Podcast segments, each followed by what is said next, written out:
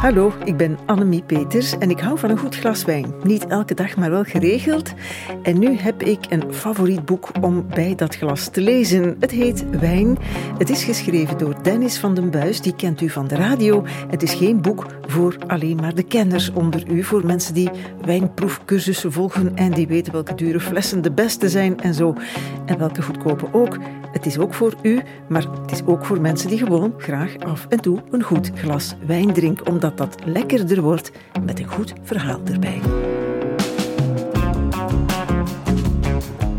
Voorproevers. Ik heb het net al gauw gezegd, Dennis, uh, om geen mensen weg te jagen. Het is, geen, het is, geen, boek voor snobs, hè, vol van dat uh, jargon dat we niet snappen. Waarom wil ik dat eigenlijk gezegd hebben? Misschien wil je dat gezegd hebben omdat uh, heel veel mensen drinken wijn. Maar er zijn heel weinig mensen die zich geroepen voelen om daar iets over te vertellen. Want daar hangt zoveel poeha rond. Of er is altijd wel nonkel Jos aan de tafel die daar veel over weet en naar Bordeaux op reis gaat. En dan durven we daar niks over zeggen om, wat jij zegt, je schaamt je misschien zelfs over de wijn die je drinkt. Waarom eigenlijk? En ik heb nu een boek geschreven vol wijnverhalen, dingen, anekdotes, weetjes die vertrekken van, ja, van alles wat we gaan tegenkomen. Napoleon, Churchill, de Beatles, coureurs. Maar toch gaat het over wijn. Het zijn weetjes, dingen die je echt bij een glas, een goed glas, een goed verhaal wil doorvertellen. En dat, daar heb je geen jargon voor nodig of geen cursus die je avonden in de week moet gaan volgen. Je moet ze wel kennen, de verhalen. En die heb je dan uit dat boek. Hè? Want er hangt toch een zeker um, prestige aan wijn. Hè? Een beetje uitpakken met kennis doen mensen ook. Ja, dat, dat hoort erbij natuurlijk. Hè. Uh, op een of andere manier. Ik weet ook niet hoe dat gegroeid is. Het is vaak ook een duur product. Als je op Instagram zit, ik zit dat met mijn, met mijn podcast, Wijncast, ook op Instagram. Ja, als je dan wijnaccounts volgt, als je die mag geloven, dan drinken mensen alleen maar uh, Grand Cru Classés uit Bordeaux van 150 euro per fles. Uh, en de dag nadien nog een champagne van uh, 300 euro. Maar dat is, dat is het echte leven niet. Ja, maar ja, niemand zet daar zijn fles van 5 euro nee. op natuurlijk. Je pakt nee. uit met wat, je, met wat je hebt om uit te pakken. Maar we drinken van alles en over alles valt een goed verhaal te vertellen. Dat is de insteek van, van dit boek eigenlijk. Ja. je vindt er dan ook geen foto's van wijngaarden, maar wel straffe verhalen, korte verhalen, 100 ja. verhalen. Je kan ook gaan opzoeken achteraf. Bijvoorbeeld, ik heb hier een Malbec uit Argentinië voor mijn neus staan. Wat kan ik daarover vertellen? Je komt bij verhalen over de paus of over de ontdekkingsreis. Ja, je bent het snobisme weer een beetje in de hand aan het werken natuurlijk op die manier. Uitpakken met verhalen die je ja. zo gezegd hebt geleerd in al die wijnstreken, ja. die wijnkastelen. Maar je deelt ze met je vrienden ja, op een ja, goed dat moment. is heel leuk aan dat boek. Je kan een wijn opzoeken, je kan een flesje cadeau geven, daar een verhaal bij vertellen. Dat is heel fijn. Een wijn moet toch, hè, om goed te zijn, een zekere prijs hebben. Want je zegt nu, ze pakken op Instagram uit met al die dure flessen. Maar een goedkope fles is dat toch in de regel niet een minder goede fles? Er, er, is tot op zekere hoogte wel een verhouding natuurlijk tussen kwaliteit van wijn en de prijs. Als, als een wijnbouwer alles met de hand gaat plukken en elke dag in de wijngaard staat manueel, dat heeft zijn prijs tegenover wanneer je honderden hectare hebt en op de wilde boef daar met grote machines doorrijdt. Ja, dat zijn andere producten. Maar ik zou zeggen, je kan voor 10 euro voor 15 euro prachtige wijnen uh, vinden. Zelfs voor 8 euro. Het hoeft niet altijd 80 euro te zijn. 15 euro voor een fles is niet goedkoop. Nee, dat is niet goedkoop, maar het is in zekere zin nog altijd wel betaalbaar. En je hebt ook prachtige flessen voor 6 euro. Die zijn ook te vinden. En de vraag is ook, wat is goede wijn? Want dat heeft ook te maken met herinneringen, met verhalen. Mm -hmm. Vaak zijn het vakantieherinneringen ja. die mensen hebben. En zo is het bij jou begonnen. Je schrijft ja. dat in dat boek ook. In Umbrië. Ja, een paar jaar geleden, uh, misschien al wel tien jaar geleden intussen, ik weet het al niet meer. Je bent daar op vakantie, je zit daar in een restaurant tussen de glooiende heuvels, waar ze dan ook nog zeggen, ah, als de helikopter passeert is het Gwyneth Paltrow, want die woont in het kasteel daar. Maar aan de andere heuvel zeiden ze, en de wijn die je nu drinkt, die komt vandaar. Ah, potverdorie, lekker, we pakken dat mee naar huis. Dan zit hij daar thuis met zes flessen je weet van toeten, wanneer moet ik dat nu drinken? Wat zit daar eigenlijk in? Ik voelde mij eigenlijk tekortschieten, dus ik ben al die dingen gaan opzoeken. Een wijnavond georganiseerd met vrienden die er ook niks van kennen. Verhalen beginnen vertellen. En dat over Gwyneth Paltrow. Onder andere, uh, maar ook over everzwijnen die dan druiven gaan opeten. Uh, ja, en dat blijft dan toch iets meer hangen, die verhalen, dan bijvoorbeeld het feit dat die wijn gemaakt is op 350 meter hoogte, op een kleibodem, op een zuidwesthelling. Uh, ja, want dat soort dingen staat niet zozeer in jouw boek. Hè? Nee. Die wijn die je van vakantie meebrengt, Dat weet ik ook. Je brengt zo'n kistje mee, vijf, zes flessen. Dat is nooit zo lekker als je dat thuis dan drinkt. Nee, Ah, eh, eh, zeker als je wijn op over lange afstanden vervoert. Ja, dat is een levend product. Hè. Laat dat ook nog rusten een paar weken, misschien voor je dat opnieuw doet. Dat is wel zo'n technische tip dan. Maar ja, je drinkt, je probeert die herinnering in dat moment en dat gezelschap naar boven te brengen. En dat is misschien in die grauwe, herfstige keukentafel in Vlaanderen niet wat je daar op een Zuiders terras hebt meegemaakt. Nee, maar als je die vakantiewijn schenkt bij vrienden, je kunt daar dat verhaal bij vertellen over daar op die flanken waar wij naar keken, daar met Gwyneth Paltrow in, uh, binnen handbereik, daar, daar hebben ze die wijn gemaakt. Dan wordt die vanzelf lekkerder. Dat tilt dat naar een hoger niveau en ook voor jezelf. Want wijn, ja, dat is altijd al iets iets ja, quasi religieus geweest. Dat is gewoon druivensap dat door de tijd en de gisten en de processen in iets geestrijk is veranderd. De mens is doorheen de geschiedenis daar dol op, van Romeinen over Grieken tot nog verder terug, de Georgiërs, 8000 jaar geleden. Dus dat heeft iets... Ja, eigenlijk, we zitten in zeer anti-religieuze tijden, in zekere zin, in de samenleving, of, of toch in de openbare plekken. Maar als je ziet over hoeveel, tussen aanhalingstekens, ja, ik ga het woord niet uitspreken, hoeveel mm er aan wijn geplakt wordt, dat is bijna ja, een godsdienst op zich. Ja. Een verhaal dat ik eh, voortaan ga vertellen, ik kan dat meteen op de radio doen, eigenlijk, dan moet ik dat niet meer in intieme kring vertellen. Dat, dat wij denken dat we een bierland zijn, maar wij zijn een weiland, uh, een wijnland, weiland, ook historisch gezien. Ja, ja veel, eigenlijk veel meer wijnland dan bierland. En je schrijft in je boek onder andere, getuige daarvan, de wijnpers in Leuven. Ja. Dat is geen pers, maar een straat. Mm -hmm koersliefhebbers kennen die. Philippe heeft daar iedereen eraf gereden vorig jaar in het WK. Ja, en Wout van Aert, helaas, heeft het niet kunnen waarnemen. De wijnpers dat verwijst naar het roemrijke wijnverleden van Leuven. Uh, er zijn bronnen. Godfried met een baard heeft de wijngaarden rond de stad in de 12e eeuw danig doen uitbreiden. En nog in de 16e eeuw kan je in Antwerpen hertogen wijn drinken in, in, de, in de herbergen. Dat is wijn dus, van, van rond Leuven, ook uit Aarschot al heeft die wijnbouw, uh, ja, die het heel goed deed in de middeleeuwen, een gigantische knak gekregen ja, vanaf de late jaren 1400, omdat er een soort kleine ijstijd kwam. Dus het was warm genoeg voor wijn, warmer dan nu? Ja, ze noemden dat het, het middeleeuws klimaatoptimum. Dat waren heel warme zomers en dat is ideaal voor een succesvolle druivenoogst. En ja, in zekere zin deden die druiven het werk zelf. En dat sap, en dat werd iets gegist, veiliger dan water om te drinken. Bier was er ook, vooral duidelijkheid.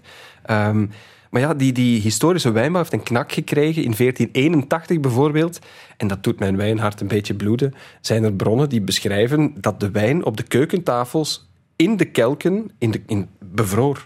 Het was min de, de, thermometer bestond nog niet, Annemie, maar we hebben nadien becijferd dat het min 20 moet geweest zijn. Ja, het zal waar zijn, want uh, Breugel schilderde in die tijd heel veel uh, sneeuwlandschappen. Ja, dan zitten we nog eens een goede 50 jaar verder. Vanaf 1540 is elke winter bar koud.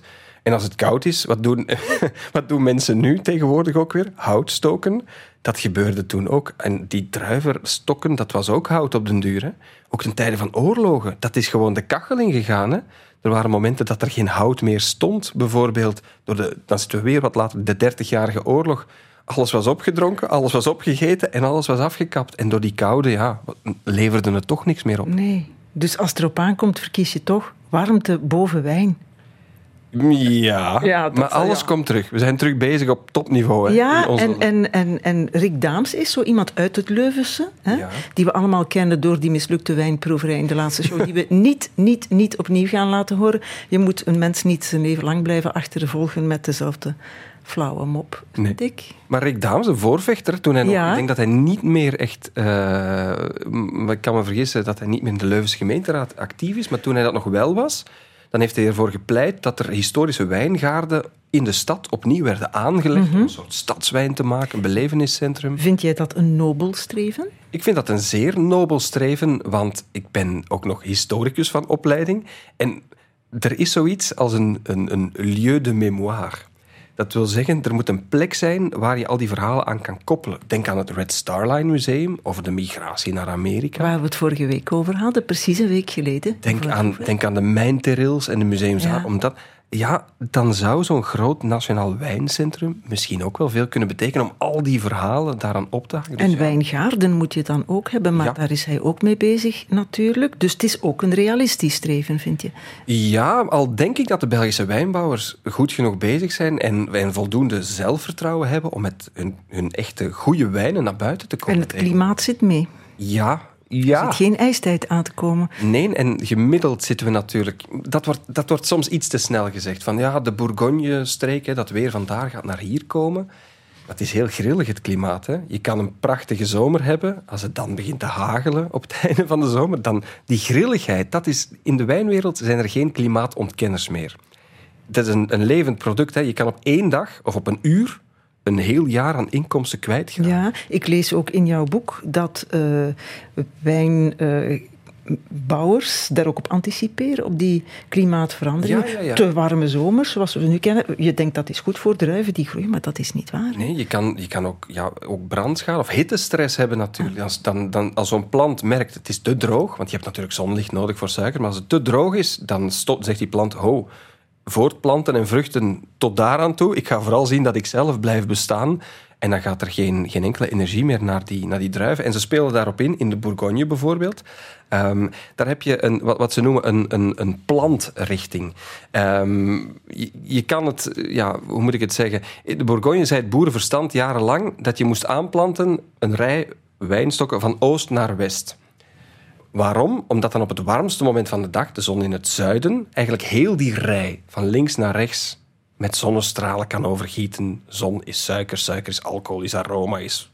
Maar tegenwoordig doen ze dat andersom. Dan gaan ze dat van noord naar zuid doen, om ervoor te zorgen dat op het heetste punt van de dag niet heel die rij bestraald wordt, maar enkel dat ene plantje dan op de kop van de rij, om de rest te beschermen.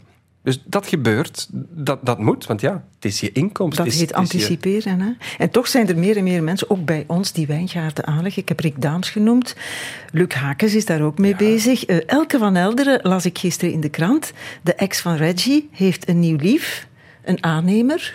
Dat heeft niks met wijn te maken. maar zij is wijnbouwer. Oké. En ook deze man, ik heb dit uit jouw wijnpodcast gehaald, Wijncast. Deze meneer. Wijncast. Met Dennis van den Buis. Welkom bij een nieuwe aflevering van Wijncast. En ik zit hier nu in het midden van de velden in de Kempen met niemand minder dan Sean de Bie. Ik zit zelfs in zijn wijngaard. Sean, een heel goedemorgen. Ja, goedemiddag, goedemorgen. Sean, jij bent een voormalig wielrenner, maar je bent bezeten van de wijn. Mag ik dat zeggen? Ja, zeker. eh, mijn passie eh, is een paar jaar geleden ontstaan. In 2017, eh, toen ik nog bij Lotto Soudal reed, zijn we, ja, was een wedstrijd in Down Under, dus in Australië.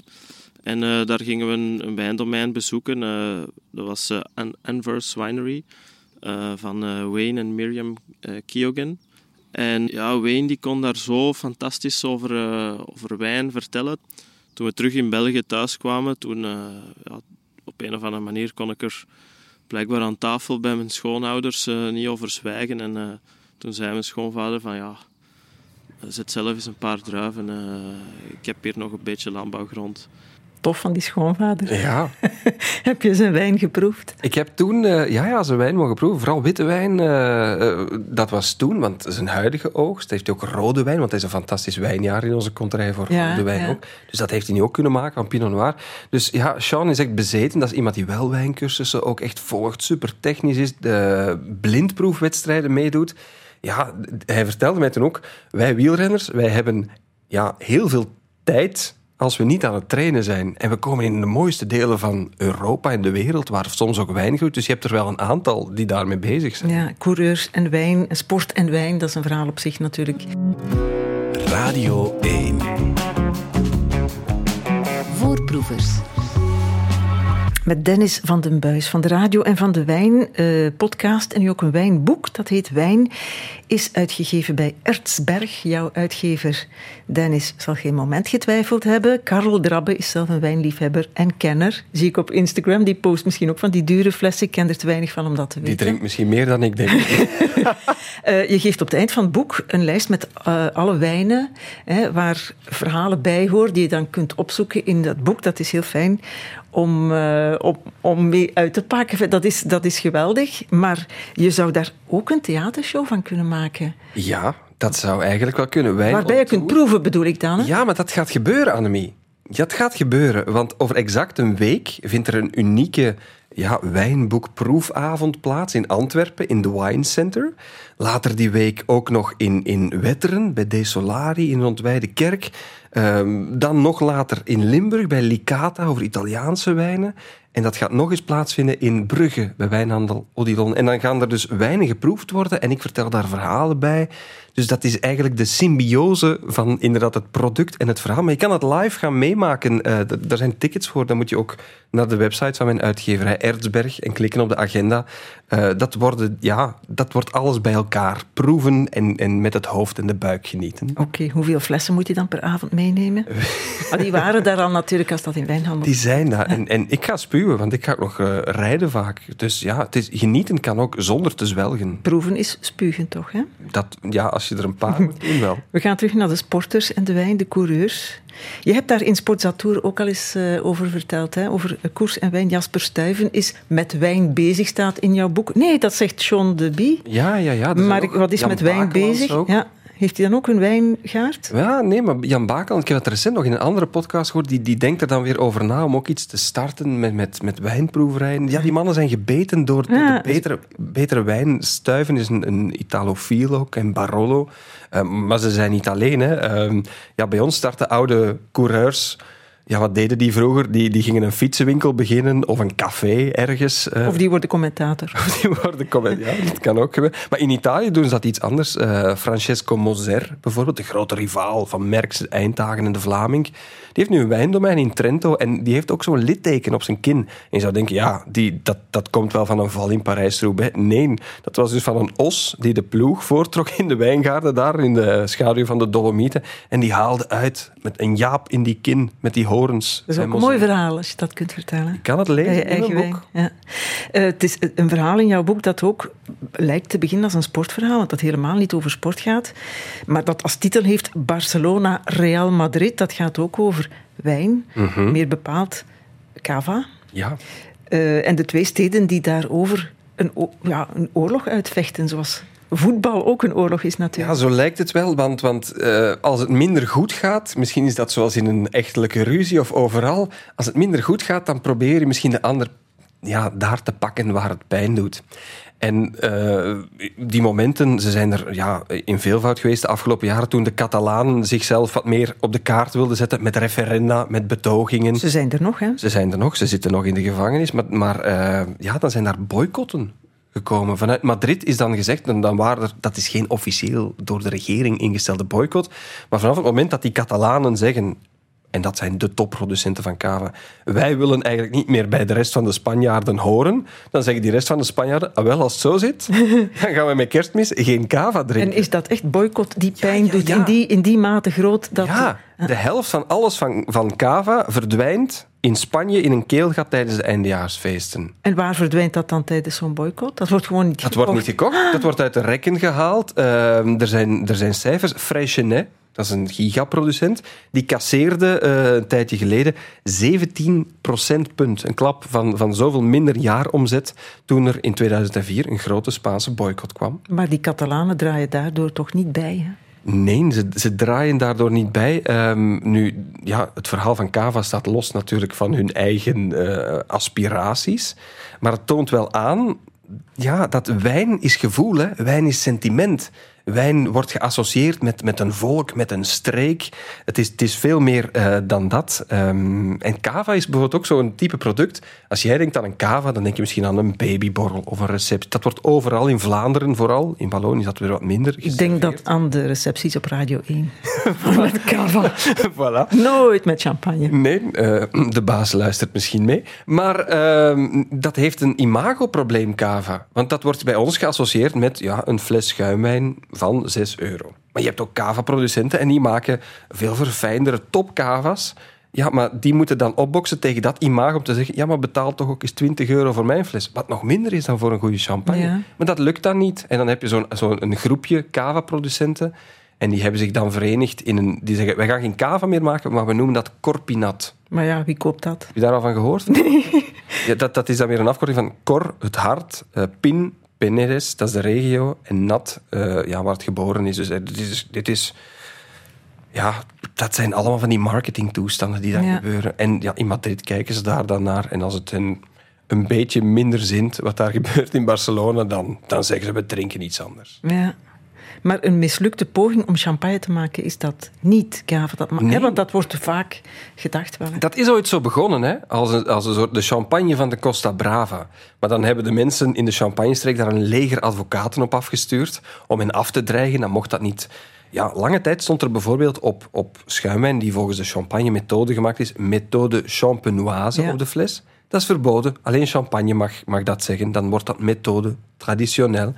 Eh maar wordt met andere druiven, maar op dezelfde manier gemaakt. Prosecco meestal niet. Dat is een ander verhaal. Er komen de belletjes in een grote tank eh, in, in de bubbel. Maar omdat je zegt mislukte champagne, dat is eigenlijk interessant om te weten. Champagne is als een mislukking begonnen. Wat wij nu met luxe en, en edele bubbeltjes associëren, ja, dat was, dat was een groot probleem eigenlijk. Want de, de, de mythe gaat dat Dom Perignon dat heeft uitgevonden. Ik weet niet, die naam zegt iets, dat is ook een champagnemerk. Ehm, de Fransen geloven graag dat dat de man was, de abt van een abdij eh, in de buurt van, van Reims, die in 1668 de champagne heeft uitgevonden. Maar eigenlijk was dat gewoon een wijn. Ja, hoe ging dat? Dat stond in een schuur eh, te gisten. Als niet alle, alles, alle suikeren vergist zijn tijdens de herfst en je steekt dat in een fles, bij, als de lentezon komt op je schuur, dan wordt dat daar warm. Die gisten beginnen weer in actie te schieten en dat begint in die fles te borrelen en te bruisen. Eén groot probleem. Die flessen waren niet sterk genoeg in der tijd. Dus die, die barsten, die ontploften. Dat werd een duivelstreek genoemd, vin du diable. Dat dat ontplofte. En die Dom Perignon heeft eigenlijk zijn leven lang gestreden en er zijn werk van proberen te maken om, om die bubbels uit die fles te halen. Dus ja, de champagne is, is eigenlijk van, van een, een toevalstreffer uitgegroeid tot iets wat wel, ehm, ja, wel succes heeft gehad. En daar moeten ze de Engelsen dan weer eigenlijk Ja, want ik lees in jouw boek dat die dan wel in staat waren om dikker glas te maken dat niet ontplofte, Ja. waardoor de champagne in de fles bleef. Ja, ja, ja, dat heeft eigenlijk dus heel, heel ja, actueel alles te maken met de allereerste Engelse energiecrisis. We zijn 400 jaar terug, rond, rond 1615. Koning James I is in paniek. Heel, heel de Britse eilanden zijn ontdaan van alles wat hout is. De bomen zijn gekapt. Ze hebben schepen gebouwd om de wereld te veroveren. De steden zijn gegroeid. Dus er staat bijna niks meer. En dus zegt hij, ik moet ingrijpen. Ik verbied al- alle kap en hout verbranden. Dat mag een tijdje niet. We moeten terug bossen krijgen. Grootste slachtoffer, of degene die het hardste klagen, De wijngaarden. Nee, Ah. de glasblazer. Die zeiden, ja, maar ja, wij zitten onze ovens dag in dag uit met hout te stoken. Dat eikenhout van bij ons, dat is toch goed? Wat moeten we nu doen? Toch niet dat minderwaardig steenkool gebruiken? Ja, het zal moeten. Wat bleek? Dat minderwaardig steenkool dat wel meer rook veroorzaakt. Dat bleek een hogere temperatuur te bereiken. Sterker, donkerder, dikker glas. Glas dat wel in staat was om dus die druk van die bubbels in de lente in die fles bij te houden. En dus, ja, eigenlijk eigenlijk als dus ja, de Britse premier langs gaat bij Emmanuel Macron, dan zou Macron eigenlijk op zijn blote knieën moeten gaan om die Engelsen te danken. Want ja, zonder hen geen champagne. Nee, het is waar. Die druk in die fles, als je zegt dat glas van in de tijd hield dat niet. Dat moet immense druk zijn. Eh Girmay, om nog eens over een coureur te beginnen, Ja. heeft dat geweten ook. Ja, ja, ja, die, ja, die beelden zijn de wereld rondgegaan. Ja. Blind, omdat daar zo'n half losgemaakt kurk van een Prosecco-fles in zijn oog eh, popte. Op champagne zit zes bar druk. Dat is drie keer meer dan in onze autobanden, Annemie. Ja, eh, eh, die flessen tegenwoordig die kunnen, die kunnen een veelvoud van die druk aan. Die zijn nu met mallen en industrieel. En dat is ook, dat is ook een beschermd, Ja, ja. beschermd ontwerp. Maar met die dop maak je af en toe iets kapot. Ja, de, de gouden tip voor de feestdagen. Als je dat wil laten ploppen, ja, doe dat toch eigenlijk niet. En kinderoogjes aan de kant. Buiten, hè? de fles naar de andere kant. Hè? En de fles draaien. Niet de kurk. De kurk vasthouden en de fles draaien. Ah ja, goede tip. Ja. Staat die ook in het boek? Ja. En het boek lezen is ook een goede tip voor de feestdagen. maar ik wil nog één klein vraagje stellen over die eh, macht die gepaard gaat met, met wijn. Niet alleen in de politiek, ook privé. Ja. Ik vind dat een mooi verhaal wat je schrijft. Een heerlijk verhaal over het wijndomein van Brad Pitt en Angelina Jolie. Ooit een koppel, hè, Brangelina. En eh, je schrijft dat de regeling over de kinderen rapper in orde was dan de regeling over hun wijndomein. Ja. Dat is een domein in Zuid-Frankrijk. Miraval in eh, de Provence. Ja, waar ze rosé maken. Hè? Ja, de- de- ooit zijn ze gecatapulteerd. Ja, natuurlijk, als bekende mensen wijn maken, is daar meer aandacht voor. Maar het is dan ook eens goede wijn. Ze werken samen met een topproducent, het Châteauneuf. En hun rosé kwam terecht in de top 100 van een gerenommeerd wijnblad. Als enige rosé in de 100 wijnen die je dat jaar gedronken moest hebben. Dus ja, dat, dat, dat gingen we daar een gang tot en met. En die rosé, die kan je nog altijd kopen. Miraval, Château Miraval is het eh, domein. Je hebt ook een instapfles. Studio heet die. Die zit in, in de Die hebben ze in de koolruit. Ja, ja, ja. Die heet trouwens Studio, omdat op dat wijndomein ook een studio is, een muziekstudio. Waar eh, Pink Floyd eh, en Muse en weet ik veel wie nog allemaal ehm, ja, platen hebben opgenomen. En Brad Pitt, het is nu allemaal geregeld. Brad Pitt heeft een soort schoonmoeder gekregen. Er is een grote drankengigant met een Russische oligarch aan het, eh, aan het, eh, aan het roer. Die heeft 50% de aandelen van Angelina. Brad Pitt noemde dat een vijandige overname. Maar hij kan wijn blijven maken en ja, hij gaat volop weer aan de slag. daar. Maar zij heeft het hard gespeeld. Zij heeft het heel hard gespeeld. Ze heeft opnieuw, dat zoals die Madrilenen en de Barcelonezen, pijn doen waar het kan. Bij de wijn, bij het troetelkindje. Wijn is sentiment, Annemie. Dat is, dat, is, dat is meer dan alleen iets om te drinken. Ik ga die toch eens proeven. Doen. Mm, Ik ga nu een atypisch nummer van de Beatles draaien. Het is eigenlijk geen mooi nummer, vind ik. Maar wie ben ik? maar het heeft een reden. We beginnen in de helft. Want we moeten vooral het einde van de plaat horen. Ja. eh, om de reden te kunnen vertellen.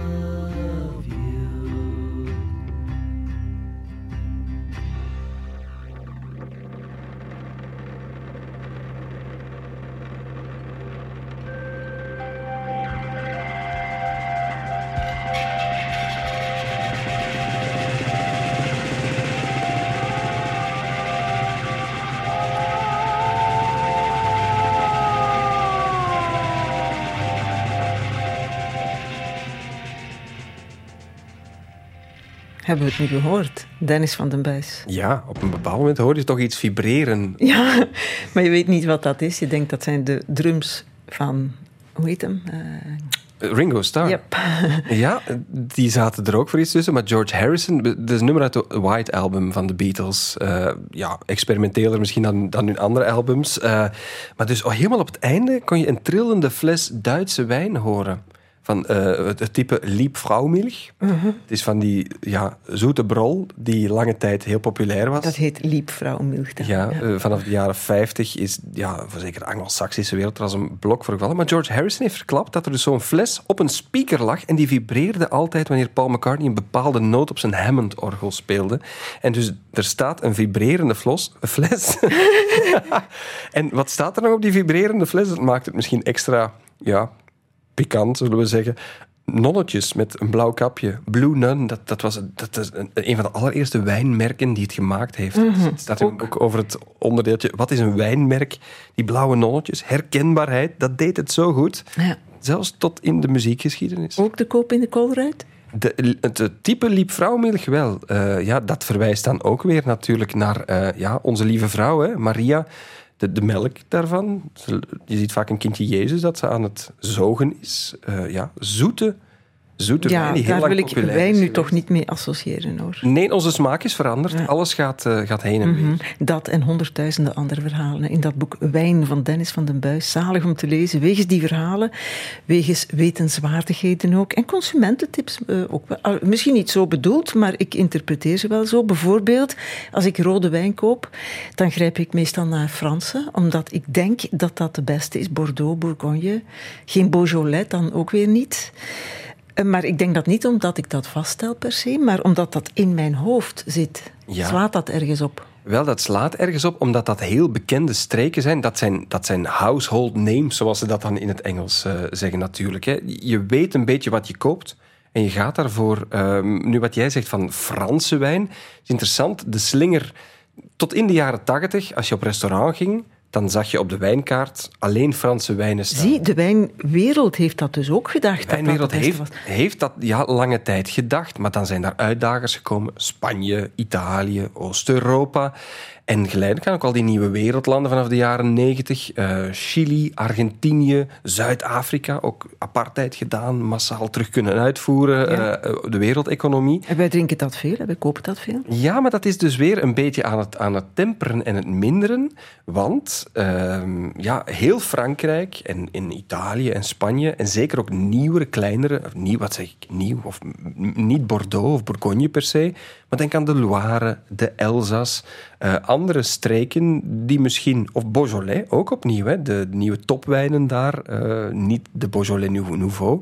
Maar dat zijn dingen die heel hard opkomen. En consumenten zijn daar heel gevoelig aan. Aan het feit van, het moet van dichtbij komen. Want we zijn toch ook ecologisch bezig. Moet dat dan van Chili komen, hoor je vaak? Ja, ja, dat heeft met duurzaamheid, met ecologische voetafdrukken te maken. Ja, daar wordt meer en meer over nagedacht. Ik denk ook aan al die labels die verschijnen op eh, wijnen. Dat ze biologisch zijn, dat ze van een, een, een vigneron zijn die heel dicht bij de natuur werkt. Of, Wat ik onlangs kreeg was een vegan fles. ja. Wil dat zeggen dat er een beest zit in niet-vegan wijn? Ehm, nee, niet echt helemaal, maar toch, ja, dat woord vegan, dat is in Amerika heel hard opgekomen. Dat waait over naar hier op wijnfles. Dat heeft te maken voornamelijk, want je zou toch denken, druiven, dat is toch, ja, dat heeft toch niks met zuivel te maken, of daar zit toch geen leer in. Ehm, vaak worden er dierlijke producten gebruikt om de wijn te klaren. Dat wil zeggen, ja, druivensap is vaak troebel en de consument verwacht een transparant, helder goedje. Tenzij je van natuurwijnen houdt, dan gebeurt dat vaak niet. Maar ja, helder, transparant wijn, dat krijg je eigenlijk door dat te klaren, door iets toe te voegen aan je wijn, dat je nadien er weer uithaalt. Denk aan vuil fritvet. Wat doe je daarin in soms? Ja, ei. Kroketten.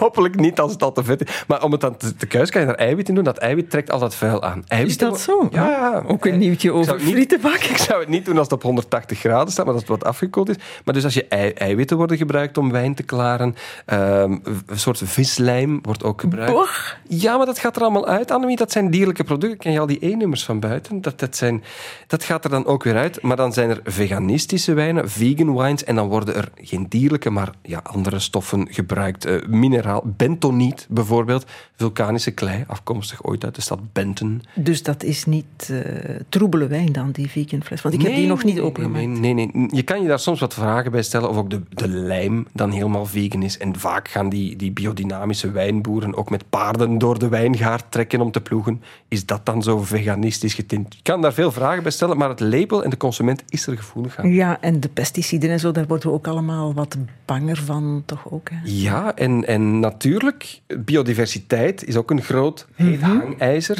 Als, je, eh, als je hectares wijngaarden hebt waar alles platgespoten wordt, daar zitten geen, geen vogels, geen insecten. Er zit niks, hè. dat is een ecologische ramp. Dus als je in een wijngaard begroeiing ziet en mooie bloemen en het ziet er een beetje, ja, maai mij niet en, en, en wilderig uit, ja, geniet daarvan, want dat is beter voor, voor de biodiversiteit. En steeds meer wijnboeren eh, ja, zijn daarmee bezig. En hebben ze dan niet gespoten? Niet altijd, of toch veel minder. En wat doen ze dan in de plaats? Wat ze in de plaats kunnen doen, eh, ja, ze kunnen handmatig te werk gaan. Sommigen die biodynamisch werken, zetten dan wel, wel weer koper in, bijvoorbeeld. Maar dat is dan ook weer niet goed. Ja, ik heb dat nog nooit gezien. Eh, We logeren daar wel eens in die wijnstreken. Ik heb nog nooit een boer handmatig zijn Nee, dat- onkruid zien ik heb het niet over, hectares. Hè. Maar je kan ook... Je, sommige zetten bijvoorbeeld laten, eh, laten bewust... om een voorbeeld te geven. Slakken. Groot probleem overal om dingen op te eten. Maar bijvoorbeeld de Antwerpenaar William Wouters, die werkt in Portugal, vrij natte streek, eh bij Rada. Die zegt, wij, wij planten daslook, zodat de slakken die daslook opeten, want dan zitten ze al vol en dat groeit toch eerder, en de rest met rust laten. Dus er zijn slimme manieren om dankzij ja, met natuur te werken, natuurlijkere, biologische en biodynamische wijn. Het is fijn dat ze daarmee bezig zijn. Hè? We Dat zijn mensen die heel begaan zijn met hun product en hun wijngaard. Je kan daar niet tegen zijn. Wat een fijn boek. We hebben een honderd, nee, een duizendste verteld van wat erin staat. Op het eind heb je het heel even over de olifant in de kamer. Ja. Die van de gezondheid. Ja, In wijn zit alcohol. Overmatig gebruik is slecht voor de gezondheid. Moest dat? Ja, en ook voor sociale toestanden. Dit, eh, genieten van iets hoeft geen vrijbrief te zijn om overmatig... Maar, Dennis, de Fransen eten veel meer dierlijke vetten dan wij. Ja. En toch leven ze langer. Dat is dankzij de wijn. Dat is die Franse paradox, die is ontkracht. Dat, eh, dat kon je lange tijd bovenhalen als straf. Dat geldt niet meer. Gérard Depardieu denkt, drinkt 14 flessen Heb per je al eens dag. gezien hoe die man eruit ziet? Dat is ook geen Fransman, maar een Belg tegenwoordig. Ja, zou, zou jij zo'n Gérard Depardieu eh, zien zitten als je partner met wat je nu weet en hoe hij eruit Als ziet? die verhalen kan vertellen zoals jij. Ja.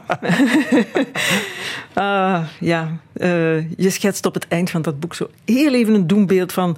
Het zal toch niet de kant op gaan van tabak, hè? duur en verboden in het openbaar, verbannen in reclame. Je weet het niet. De gezondheid en Mm. heeft een prijs. En producten die dat tegenwerken, kunnen tegenwerken, wie weet komen ze ooit in het vizier. Maar ik besluit vooral met laten we genieten. Want wat, Ja. wensen, wat wensen we elkaar als we drinken met een goed glas, Annemie? Een goede gezondheid. Gezondheid. Dus matig Salute, drinken, santé. mensen. Ja. En wel genieten van En- dat glaasje wijn. En dat boek lezen. En van het boek over Daar- van Dennis van den Buis. Dennis, ik ging het nog zeggen, uitgegeven bij Ertsberg.